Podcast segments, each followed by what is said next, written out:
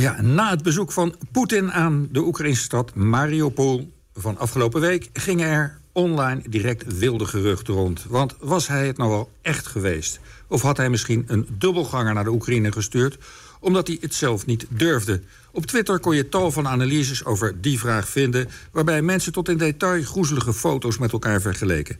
Wij vroegen ons af: is dit nou weer typisch online complotdenken of zit er misschien wel wat in? En dat fenomeen van de politieke dubbelganger, welke geschiedenis gaat daarachter schuil? Ja, journalist Marike Kuipers, bekend van haar online fact-checks, zit hier om dat ons allemaal uit te leggen. Ze is ons gast vanochtend. Uh, goedemorgen, Marike. Het nieuws van deze week eventjes kort en krachtig. Uh, wat zijn nou precies die geruchten die over Poetin de ronde doen? Ja, er gaan eigenlijk uh, collages rond van drie foto's van Poetin. Um, waarbij dan dingen omcirkeld zijn die zouden verschillen van elkaar. Die zouden bewijzen dat hij eigenlijk een dubbelganger heeft ingezet uh, in Mariupol. En uh, vooral zijn kin, die zou heel erg anders zijn in een van die foto's. Die zou heel erg verschillen. En ook zijn, zijn oren. en dan vooral de onderkant van zijn oren. En dat zou dan bewijzen dat hij eigenlijk een dubbelganger heeft ingezet in Mariupol. Maar ik ga er meteen bij zeggen dat daar ook wel wat twijfels over zijn of dat wel echt zo is. Ja, nou, hoe kijk jij daarna als deskundige? Um, nou, ik, ik weet dat het uh, vaak voorkomt dat er geruchten rondgaan over dubbelgangers.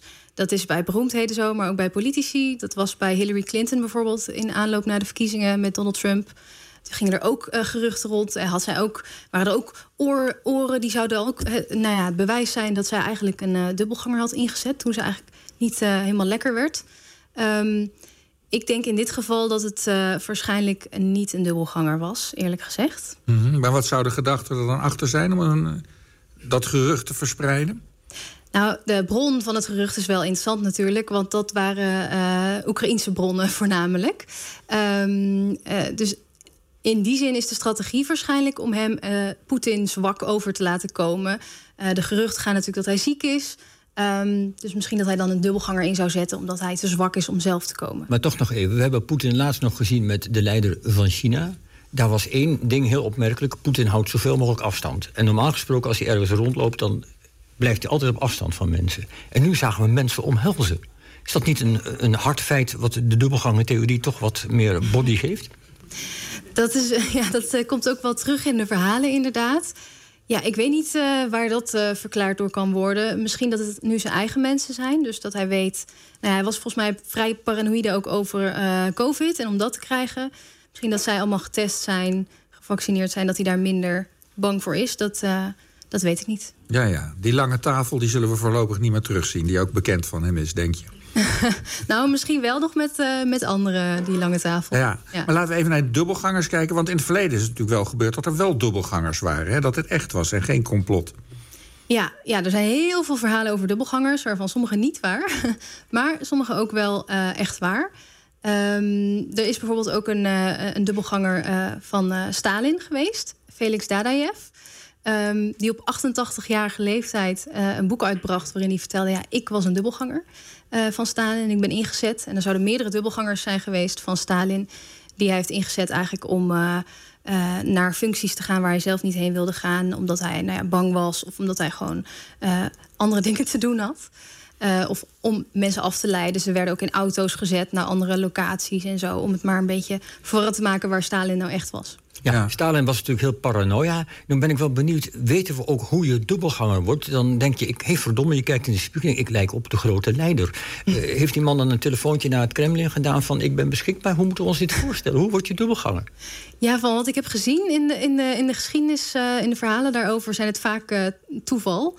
Is het vaak toeval dat iemand heel erg erop lijkt... Um, heel erg in de buurt komt van, van iemand die belangrijk is. Of ja, of dat nou geluk is of pech, dat weet ik niet.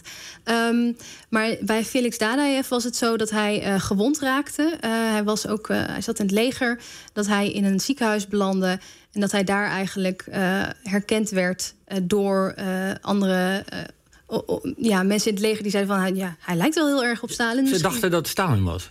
Nee, dat, dat niet. Maar ze vonden hem wel heel erg op hem lijken. En ze dachten, dat, dat is misschien wel handig. Dat kunnen we gebruiken. Ja, ja er werd al naar een dubbelganger gezocht. Ja, ja, zeker. Ja. En als we nou even buiten Oost-Europa kijken... zijn er ook uh, voorbeelden in het Westen... van dat er dubbelgangers zijn ingezet? Waarvan we het zeker weten?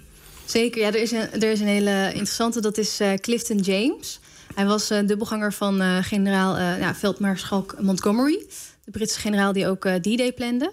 Um, en hij, hij kwam ook per toeval eigenlijk in die rol...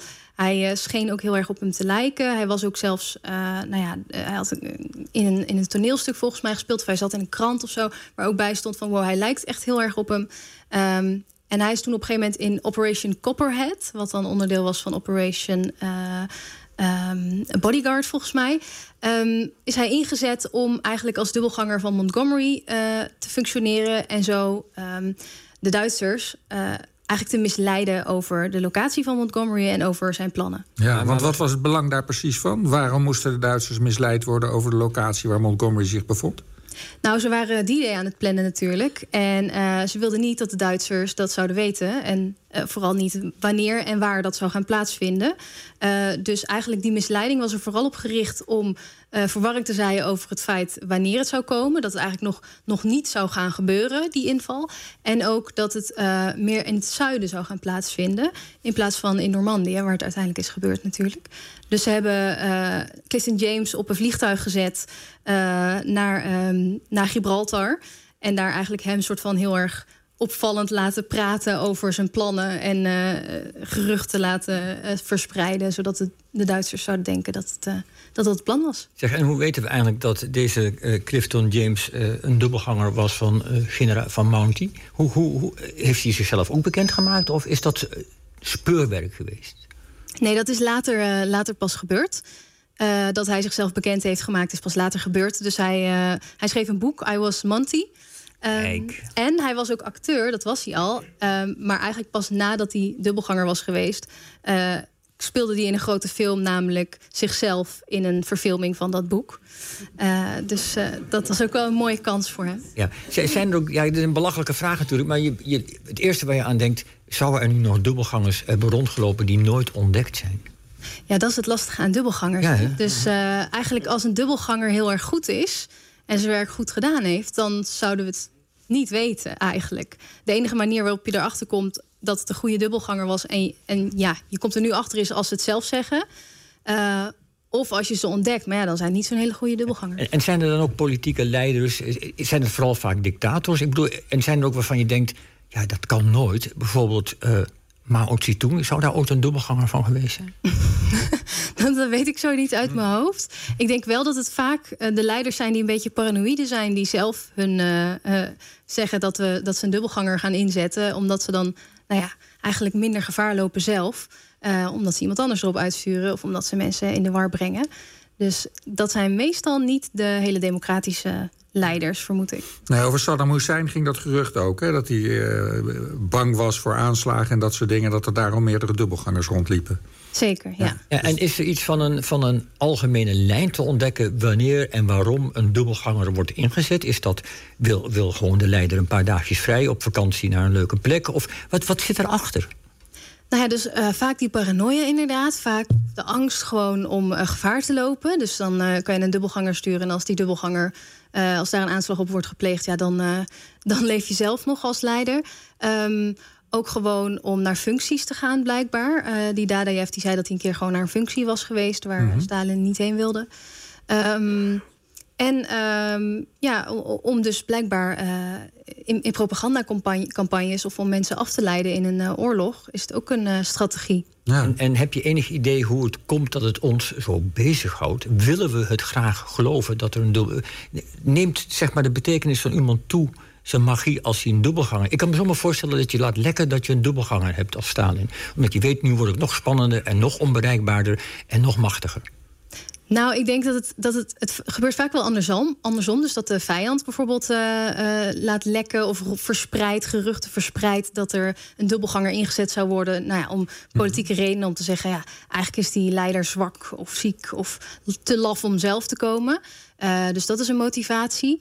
Um, en um, ja, waarom je het zelf zou doen, uh, dat weet ik eigenlijk niet zo goed. Waarom je dat zou willen verspreiden. ik denk niet dat je heel goed overkomt als je zegt dat je een dubbelganger uh, inzet. Ja. Vonden, vonden die, tot slot, vonden die dubbelgangers het zelf een prettig baantje? Ik kan me voorstellen dat je niet vrijwillig dubbelganger van Stalin wordt. Nee, nee die uh, Dadejev die zei ook, uh, die werd in eerste instantie ook gescheiden van zijn familie. Die mocht absoluut niks vertellen. Die had ook weinig keuze.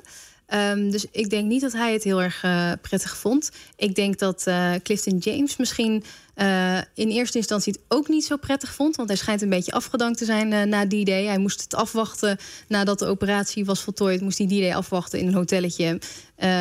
totdat het klaar was eigenlijk. En hij mocht niks zeggen. Maar nou, toen hij die rol in die film had, uh, heeft hij er wel van geprofiteerd natuurlijk. Ja, goed. Nou, laten we voor de uh, mogelijke dubbelganger van Poetin hopen... dat er geen dubbelganger van Poetin is, want het is vast geen fijn baantje. Uh, Marieke Kuipers, hartelijk dank.